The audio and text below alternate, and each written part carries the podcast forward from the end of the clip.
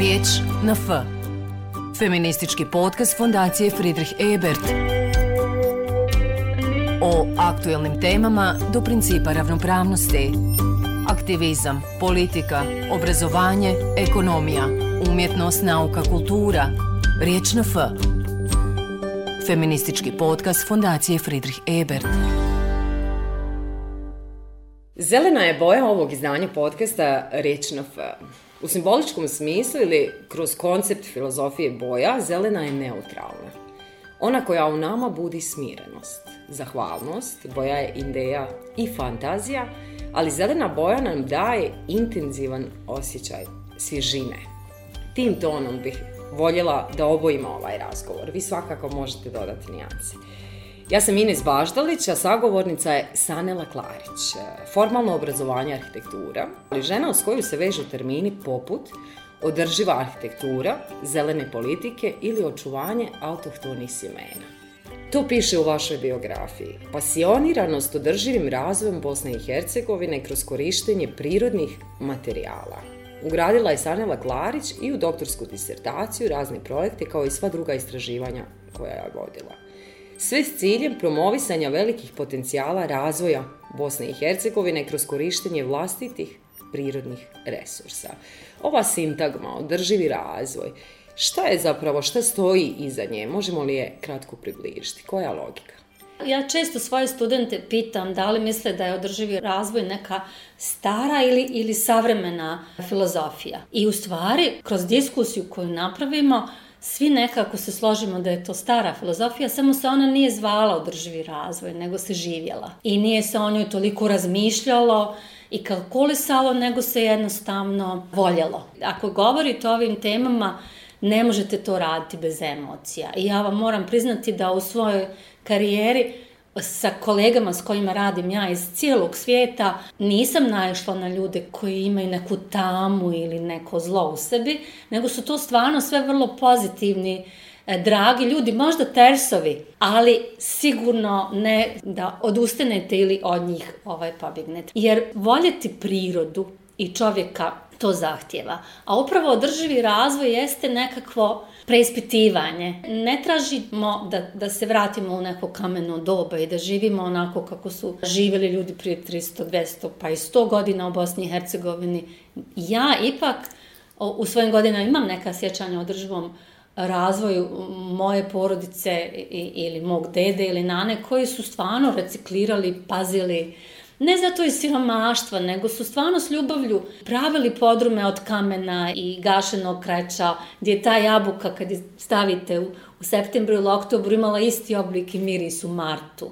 Znali su oni od kojih materijala da prave podrume, od kojih čardaka na kojima se spavalo, zašto u arhitekturi treba i da mirišete, zašto sve emocije vam trebaju da biste živjeli, a ne samo da vam treba komfor u kojem imate neko savršeno svjetlo, da jednostavno zaštite se i od buke i od zraka lošeg i to je ono što nekako jeste u stvari održivost. I mislim da samo trebamo malo pogledati u prošlost, malo shvatiti naše pretke, srećom imamo korijene. Kad pričam sa kolegama iz Njemačke, recimo, kod njih je davno izumrlo džemper od, od ovčije vune ili čarape. Kod nas nisu. Mi imamo tu vezu još uvijek, nismo je skroz izbrisali, kao što su oni totalno izbrisali stare prirodne materijale i u svoj život unijeli potpuno nove i sada duboko kopaju da, da se vrate, a mi ne moramo, mi možemo otići malo u ruralne neke dijelove. I tu u stvari pogledate malo u prošlost, a svakako se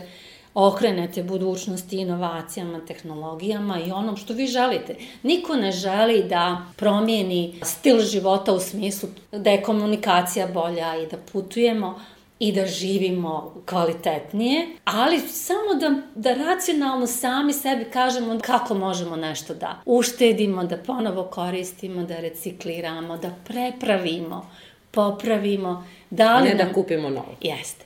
Ili da se razmjenjujemo, recimo, mi imamo sada i ideje da kao prijateljice sjednemo po jedno drugo ponudimo nešto što nam je ili dojadilo ili, ili... Onda s druge strane, recimo, na, na primjeru ponjave ili rute ili krpare, vi vidite filozofiju održivosti. Vi niste tekstil bacili, nego ste ga iskoristili za recimo neku prostirku. I onda kad neko kaže to je skupo, to neki tamo savremeni zapadni sistemi mogu sebe da priušte, nije tačno. Mi možemo da napravimo sutra jedan startup koji će da koristi tekstil za tako neki kreativni proizvod, recimo već imamo žene koje to rade na hutovom blatu. Nije to nešto što je nedokučivo, nešto što je naučna fantastika, to je samo jedno preispitivanje nas u momentu, u okruženju u kojem živimo i ono što lokalno mi imamo.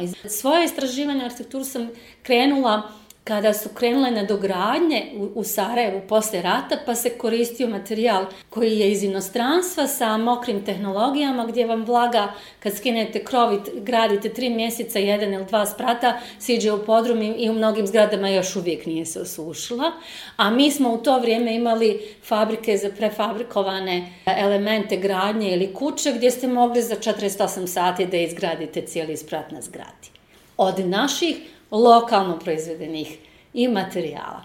Kad to nisam uspjela, iako sam bila i mlada i studentica, da, da ubijedim načelnika, onda je krenula ova priča o energetskoj efikasnosti, koju apsolutno podržavam i treba da štedimo energiju, ali smo onda opet krenuli masovno da kupujemo stiropor plašne prozore koji se proizvode u nekoj drugoj državi od resursa iz nekih drugih država, a nismo pogledali dobro šta to mi u svojoj avli imamo, je to ovčija vuna, slama, glina, kreč, drvo, sve ono što smo na kraju krajeva i koristili ranije. I to je ono što u stvari održivo straži.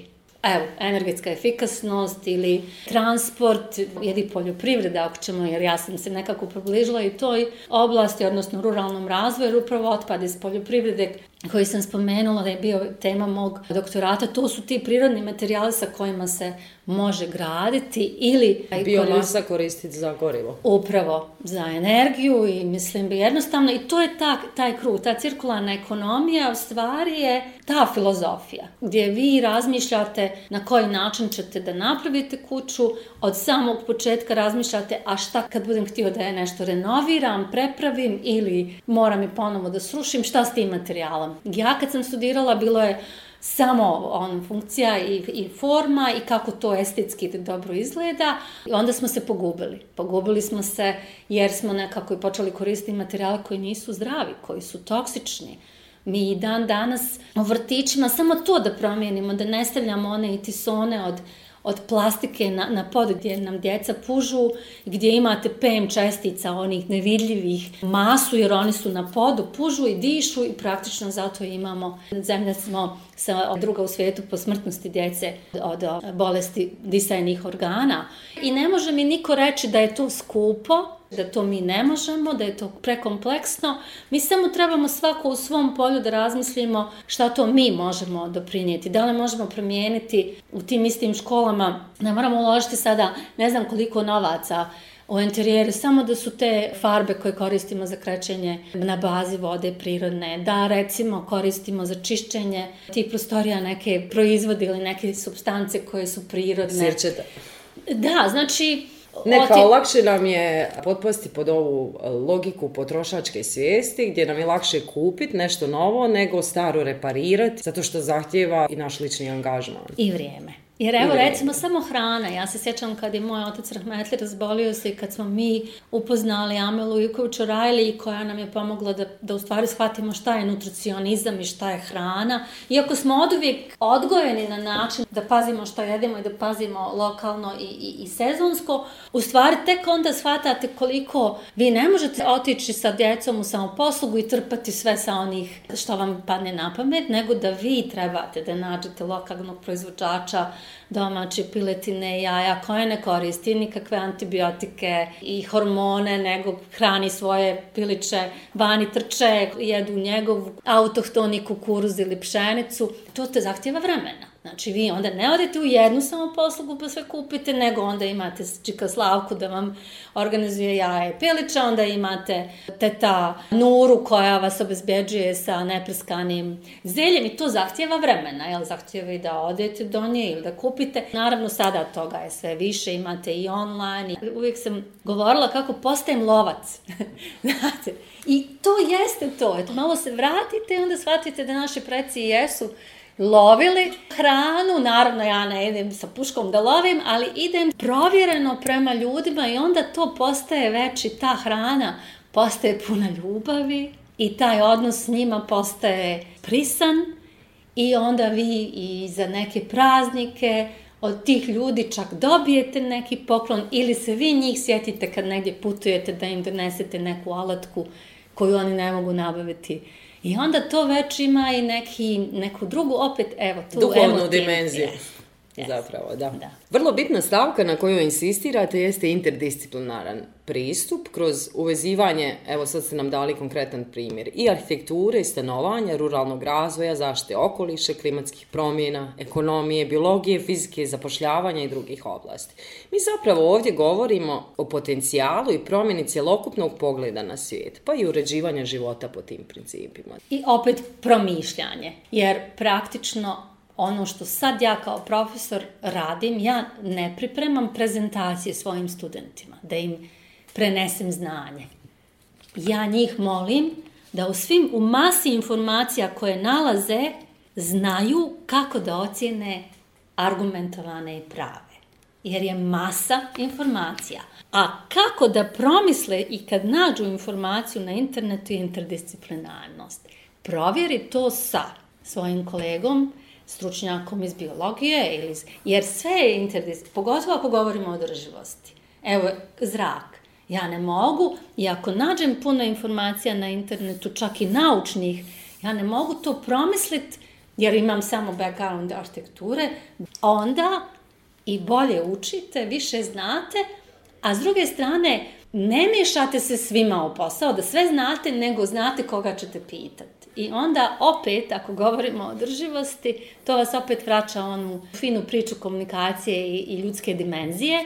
Mislim, možda me neće nova generacija shvatiti, jer ja i, i kako radim s njima kao profesor, nailazim i na taj problem u komunikaciji, jer stvarno im je najlakše sjesti ispred nekog od gadžeta i iskomunicirati. Živimo u vremenu, pogotovo te mlade generacije, gdje im je sve dostupno što se tiče informacije, Ali, znači, ono što je naš zadatak jeste da ih naučimo kako će oni da ocjenjuju prave informacije, a to jedino mogu, ako ih naučite koji su to mehanizmi i alati kako da sa interneta nađu, ali onda kako i da to iskomuniciraju sa stručnjacima.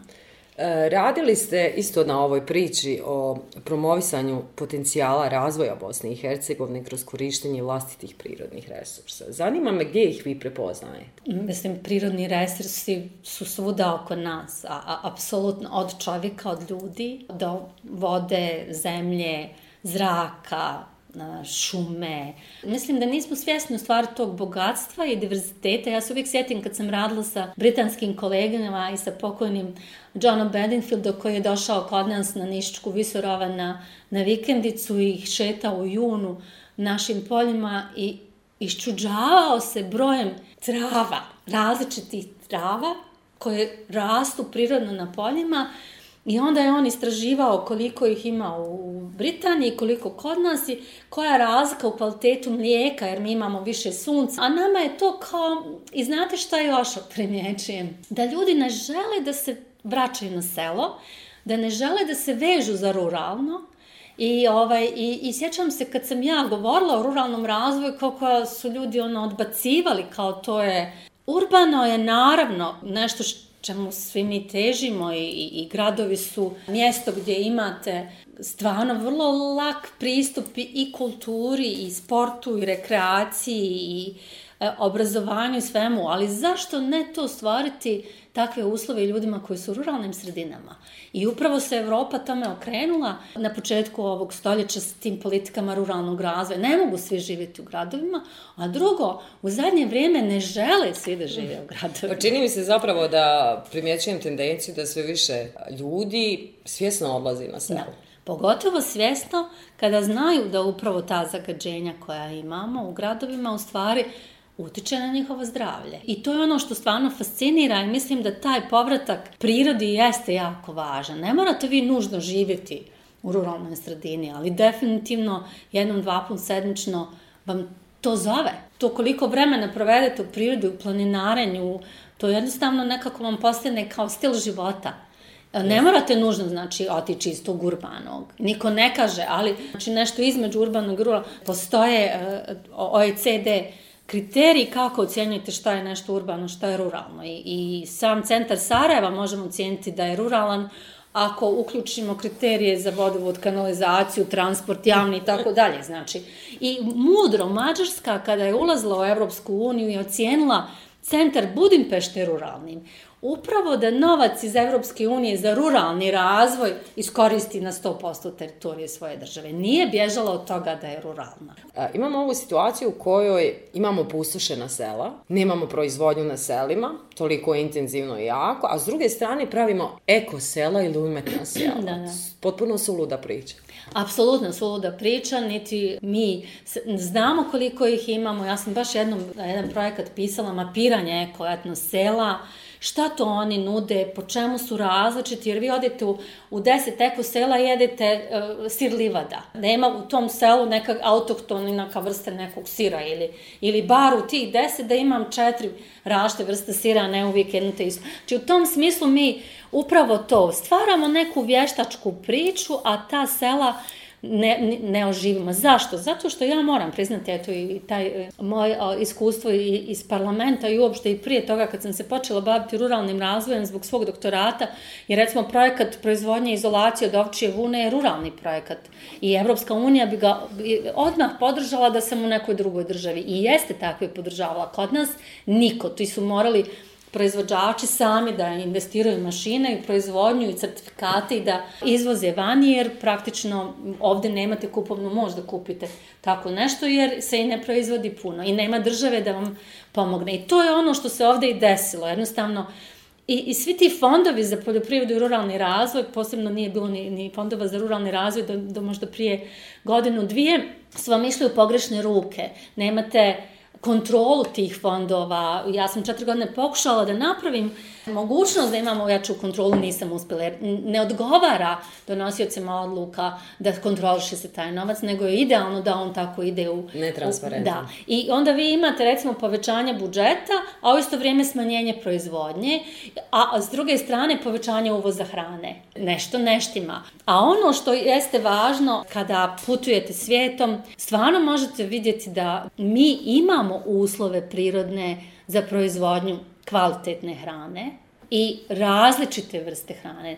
Naravno da ćete uvesti avokado ili, ili nešto što se ne može proizvesti u, Bosni i Hercegovini.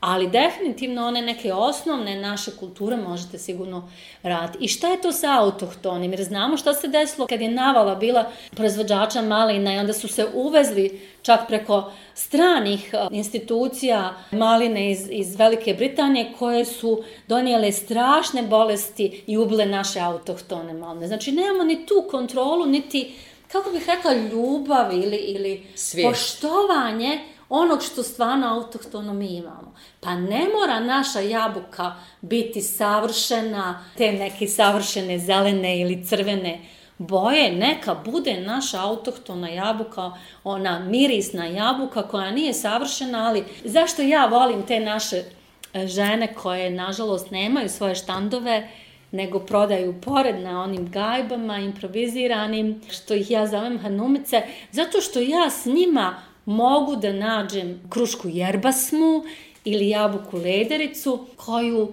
ne mogu naći svuda ili nisam stigla otići na Nišičku Visovajavan gdje je moj otac Rahmeti rođen, gdje mi imamo jedno malo imanje gdje ja mogu ubrati neku od tih jabuka, ali kad nemam vremena ja znači odem do njih i oni meni tu jerbasmu, ali recimo ja sam putla inicijativu da se ponovo vrati proizvodnja industrijske konoplje.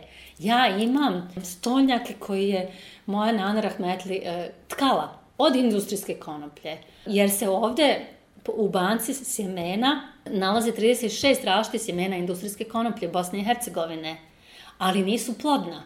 ali svjedoče da smo ih uzgajali.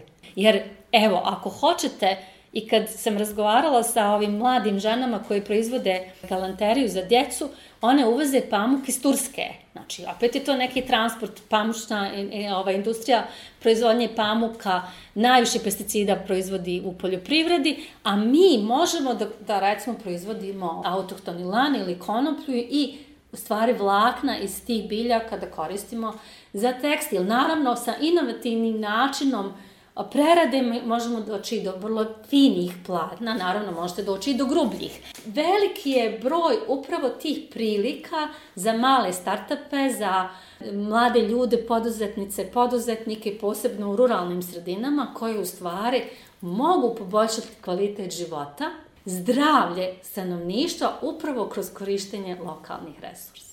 Mi imamo prirodne resurse, ali nemamo sistem i viziju. Nemamo sistem, nemamo viziju i to je stvarno ono, veliki problem. Nismo siromašna država, jer ja sa sigurnošću znam, četiri godine sam pratila budžet Federacije Bosne i Hercegovine i gdje se novac bacao, gdje se novac e, vrlo netransparentno koristio, nedomačinski. Sigurna sam da kada bi neko stvarno imao viziju, znao kako da novac usmjeri u pravom smjeru, da bismo mi sigurno bili bogatiji od Švajcarske. Vjerujte mi. Riječ na F. Feministički podcast Fondacije Friedrich Ebert. Osim ste na čelu udruženja Green Council, koji zagovara održivi razvoj i zaštitu okoliša, vi ste i članice regionalne inicijative Green New Deal. Energetska tranzicija ili zaogret u energetskom sektoru u pogledu smanjenja emisije ugljen dioksida i potpuna dekarbonizacija do 2050. godine. Za Bosnu i Hercegovinu to bi konkretno značilo gašenje elektrana za proizvodnju električne energije iz fosilnih goriva i okretanje ka obnovljivim izvorima energije. Zašto bi trebali podržati ovu regionalnu inicijativu? Jer energetski sektor predstavlja jednu od najvažnijih privrednih grana u Bosni i Hercegovini. S druge strane, energetski sektor je i veliki zagađivač zraka, tla, vode, ugrožava zdravlje ljudi. Da li je ovo razvojna prilika, zašto i kako? Jeste, ja sam čak sada članica svjetske mreže New Green Deal i iskreno kad sam dobila poziv od političara svjetskog glasa na 27 je sad okupljeno u toj globalnoj alijansi, ja sam mislila da, da, da neko me onako provocira, znate, gdje ću ja dobiti takav poziv, a ja sam dobila taj poziv i neko me je prepoznao. Upravo evo i ta tema Energije može biti nešto što se može komunicirati upravo s njima koji imaju prakse da su iz tih prljavih tehnologija prešli ili prelaze u čiste tehnologije, to zahtjeva tranziciju neko vrijeme od 15-20 godina. Mi smo izgubili 15 godina, ništa nismo radili. E, već 2007. godine bili ovaj, članica energetske zajednice, dobili jasne zadatke, instrukcije, čak pomoć, novac, ali nismo jednostavno ništa učinili. Žalosno je da mi još uvijek nismo usvojili zakon o obnovljivim izvorima energije novi. Šta to konkretno znači? To znači građanska energija. Znači da jednostavno monopol proizvodnje električne energije nema samo javno preduzeće, nego svi mi. Da je to izvor, da je to resurs koji pripada svima nama, da ne morate nužno biti bogati da napravite solarne panele, vjetroturbinu ili iskoristite geotermalnu energiju, možete se udružiti sa svojim komšijama, pa to napraviti kroz energetsku zajednicu. Možete iznajmiti svoj krov nekome koji ima novac, pa imati određeni dio energije besplatno. Možete se organizovati na način da veliki broj farmera u nekoj ruralnoj sredini napravi jednu svoju elektranu na organski otpad ili... Energetsku zadrugu. Da.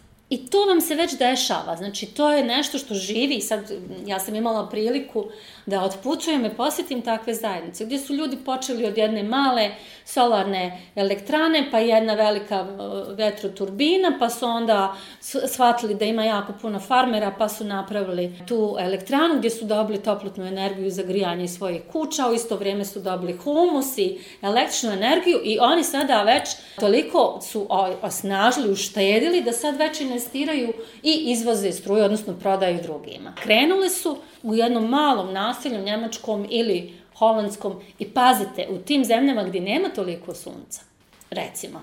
Ali oni koriste sve vrste obnovljivih izvora energije. Ne može mi niko reći da to što se dešava tamo je predaleko. To se već dešava i u Hrvatskoj i Sloveniji. Na kraju krava Ljubljana je zeleni grad od 2016. Znači, ne možete reći... Slovenija je zaštitila šume oko 60 do 70%. Da, vodu proglasila, da kažem, resursom od, od prioriteta.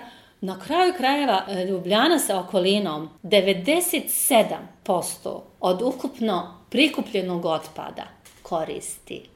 Samo 3% deponuje. Njima ne trebaju deponije. To su fabrike.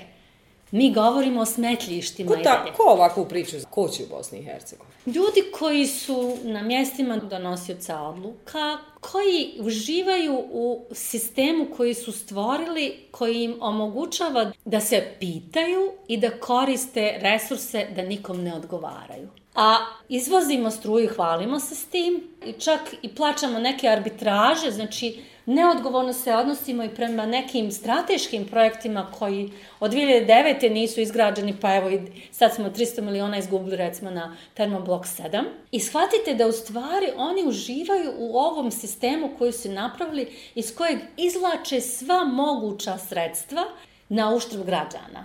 Iako bi sigurno i ovom novom sistemu proizvodnje iz obnovljivih izvora takvi ljudi našli način da se i oni ugrade. Pročitat ću dio izjave iza koje stoji Mick Lynch, on je generalni sekretar sindikata željezničkog, cestovnog i pomorskog saobraćaja Velike Britanije. Ekologija je klasno pitanje. I stoga što će siromašni najviše patiti ako se okoliš uništi. Što svi sada doživljavamo. Granice će biti preplavljene ljudima i apsolutno će nas preplaviti problemi migracija i raspodjele bogatstva u ovom društvu i u globalnoj ekonomiji. Vratit ćemo se doslovno u neko drugo doba gdje je svako za sebe. Dakle, ako vjerujemo u društvo ili u preraspodjelu ili pravdu za sve ljude na ovoj planeti, moramo klimatskim promjenama i okolišu dati prioritet. I stvarno moramo. Zato što se to nas tiče. To što smo nerazvijeni je i prilika. Jer mi nismo toliko uništili poljoprivredne resurse, jer mi praktično, koliko ja imam informacije, nekih 70% poljoprivrednog zemljišta uopšte ne obrađujemo. Što znači da ga nismo zatrovali pesticidima? Nismo. S druge strane, ako govorimo o vodama, također mi znamo borbu naših građana za u borbi protiv malih hidrocentrala koje njima ne daju prostora da žive. Oni su ugroženi jer nemaju vodu za navodnjavanje. To su u stvari ti resursi koji jednostavno treba da se uključe i zato su te ruralne sredine jako važne. Zato je važno, kao što ste sami rekli, da mi sva svoja sela pretvorimo ekološka sela. I naravno, ono što je meni kao arhitektici jako važno, da povećamo svijest o kvalitetu stanovanja. Ne bi Tibra mogla izgraditi onakve nakaradne zgrade i u takvom neurbanističkom sistemu, Nehumano. nehumanom, da smo ih mi odbili kupovati. Jer je i do nas. Građanski neposluh. Ne neposluh. Možemo li računati nismo, na njega u nekom trenutku? E, naravno, ali mi jednostavno moramo jedni drugima pomoći da podignemo svijest obrazovanja o tome šta je kvalitet i ne moramo mi biti bogati da bismo kupovali odjeću od prirodnih materijala, nećemo kupiti osam majica nego dvije i to je način kako ćemo odbiti sve ono što dolazi što je od toksičnih materijala, neprirodnih materijala. U svijetu svjedočimo atmosferi u kojoj se uveliko hapse i zatvaraju klimatski aktivisti. Govori se o promišljenoj strategiji vlada i pravosuđa kojom ušutkavaju glasove koji se opiru status quo, političkoj apatiji i dosluha sa industrijom fosilnih goriva. Vlada Velike Britanije je odlučna da kriminalizira klimatske demonstrante koji opet poručuju da svi jako malo znamo o klimatskoj i ekološkoj krizi. Upravo ovi aktivisti, aktivisti savjesti kako ih zovu, biraju građanski neposluh. Mene zanima kako vi to komentarišete. I kako mi da na kraju pokušamo izdejstvovati tu borbu da dobijemo umjesto sadašnjih elektrana, da krenemo ka termoelektrana ka obnovljivim izvorima energije, da li to jeste građanski neposluh ili šta da radi? Pa ja, ja sam jedna od njih. ovaj, u smislu da upravo kao pionir ne odustajete od toga. Meni su prijetili i u rektoratu su tražili da, dam, da me otpuste kada su recimo moja prva istraživanja izašla ovčije vuni umjesto stiropora, da je stiropor toksičan. Ja sam imala pozive od velikih naftnih uh, kompanija, inbox prepun poziva savršenih gdje mi je sve plaćeno da idem na različite lokacije da ovaj, govorim o tome, u stvari da me izlobiraju da prestanem da govorim o tome. Veliki je broj mojih kolega profesora ovaj, koji su, pogotovo kada su istraživanja o takvim materijalima kao što je stiropor izašlo, nisu nikad objavljene njihove materijali, dobili su otkaz. U stvari postanete svjesteni da stvarno se borite protiv strašnih lobija. I u jednoj državi kao što je Bosna i Hercegovina, kad se pojavi jedna arhitektica i samo objavi, recimo, rad u ovčiju vuni, da to toliko probudi interes jedne takve industrije kao što je naftna, ne možete da vjerujete. Ali to jeste upravo to. I, i ja sam čak svjedočila da na nekim sjednicama u parlamentu ministri kažu, pa znate li ti lobiji, Pa posao ministra je da, da se bori protiv lobija upravo. Zato ste plaćeni, lobiji za, za hranu ili tako da. E, upravo mi moramo biti uporni, hrabri, da se borimo protiv toga. Ali šta je važno? Važno je da znamo argumentovano, da ne grešimo niti u zarezu, da nas ne mogu prozivati za neke greške, jeli, ubijati u pojam s tim i udružiti se. I šta je još važno? Otputovati izvan. Ja sam imala sreću da imam tu saradnju sa međunarodnim univerzitetima, pa kada su ubiju pojam u Bosni i Hercegovini da ne možete ništa graditi sa ovčijom vunom, odete u, u Austriju ili, ili Holandiju i nađete milion takvih objekata, pa se vratite napunjeni energijom, pa se opet borite. Pa smo jednu zgradu tako napravili, jednu školu u Gori. Eto, desilo se da smo i to uspjeli. Ja mislila sam da ću da nikad nećemo izgraditi ništa od toga. Teške su to borbe, ali jednom kad uđete u, tako nešto i kad osjetite u stvari zadovoljstvo da ste na pravom putu i da vas u to ubjeđuju ljudi koji to žive, vratite se i onda te, se borite i ovde, jer ovde stvarno ima prostora. Kao što sam rekla, ipak mi nismo toliko razvijeni. Lakše možemo popraviti stvari. Zašta okoliča jeste klasno pitanje. Najviše klimatske promjene pogađaju siromašne ljude, ali me zanima rodna perspektiva toga. Da li je vi prepoznajete? Odnosno, da li su žene posebno pogođene zagađenjem, nestankom šuma ili pitke vode? Posebno su po pogođene, ali su posebno i senzibile prema tome i one su u stvari jače u tom zagovaranju i aktivnostima koje, ako mene pitate iz mog iskustva, posebno u ruralnim sredinama. Ja vam moram priznati da kroz projekat koji sam radila osnaživanje žena u ruralnim sredinama sam upoznala sjajne žene koje mogu podići revoluciju ako govorimo o tome. Revoluciju promjene svijesti. Da su to upravo te žene majke, sestre, supruge, znači žene koje jednostavno osjećaju, koje su svjesne opasnosti koje dolaze jer one imaju tu intuiciju. Samo na jednom primjeru Nade Šarić, koja ima petero djece, koja živi na selu i koja je sretna, zadovoljna. Na livadi je sa sa kozama, djeca trče oko nje i shvata da, pošto ima petoro braće, da e, oni su stari i njihova djeca odlaze. I ona shvata da ona će biti nesretna, jer njena djeca će otići. I okreće se prirodi i počinje da koristi prirodu. Njen muž je dao otkaz. Svih petoro djece i ona sada se proizvode eterična ulja iz svega što njih okružuje na čvrsnici. Tako ja vidim žene to je njen, njena borba za opstanak. Da ona bude sretna. Jer može ona biti sretna da se njeno petero djece javlja iz Njujorka, iz Amsterdama, da su divno, da im je lijepo, ali će glumiti sreću. I to što su oni uz nju i što su svi našli posao uz nju i vrlo su zadovoljni i sretni, mene motiviše. Ona je sada emancipovana žena koja priča drugima svoju, svoju priču. I takve žene nam trebaju biti mentori i motivatori. Riječ na F. Feministički podcast fondacije Friedrich Ebert. Uz ironiju poigravamo se stereotipima s kojima se patrijarhat obračunava sa feminizmom, želeći da mu oduzme političku relevantnost. Riječ na F. Feministički podcast fondacije Friedrich Ebert.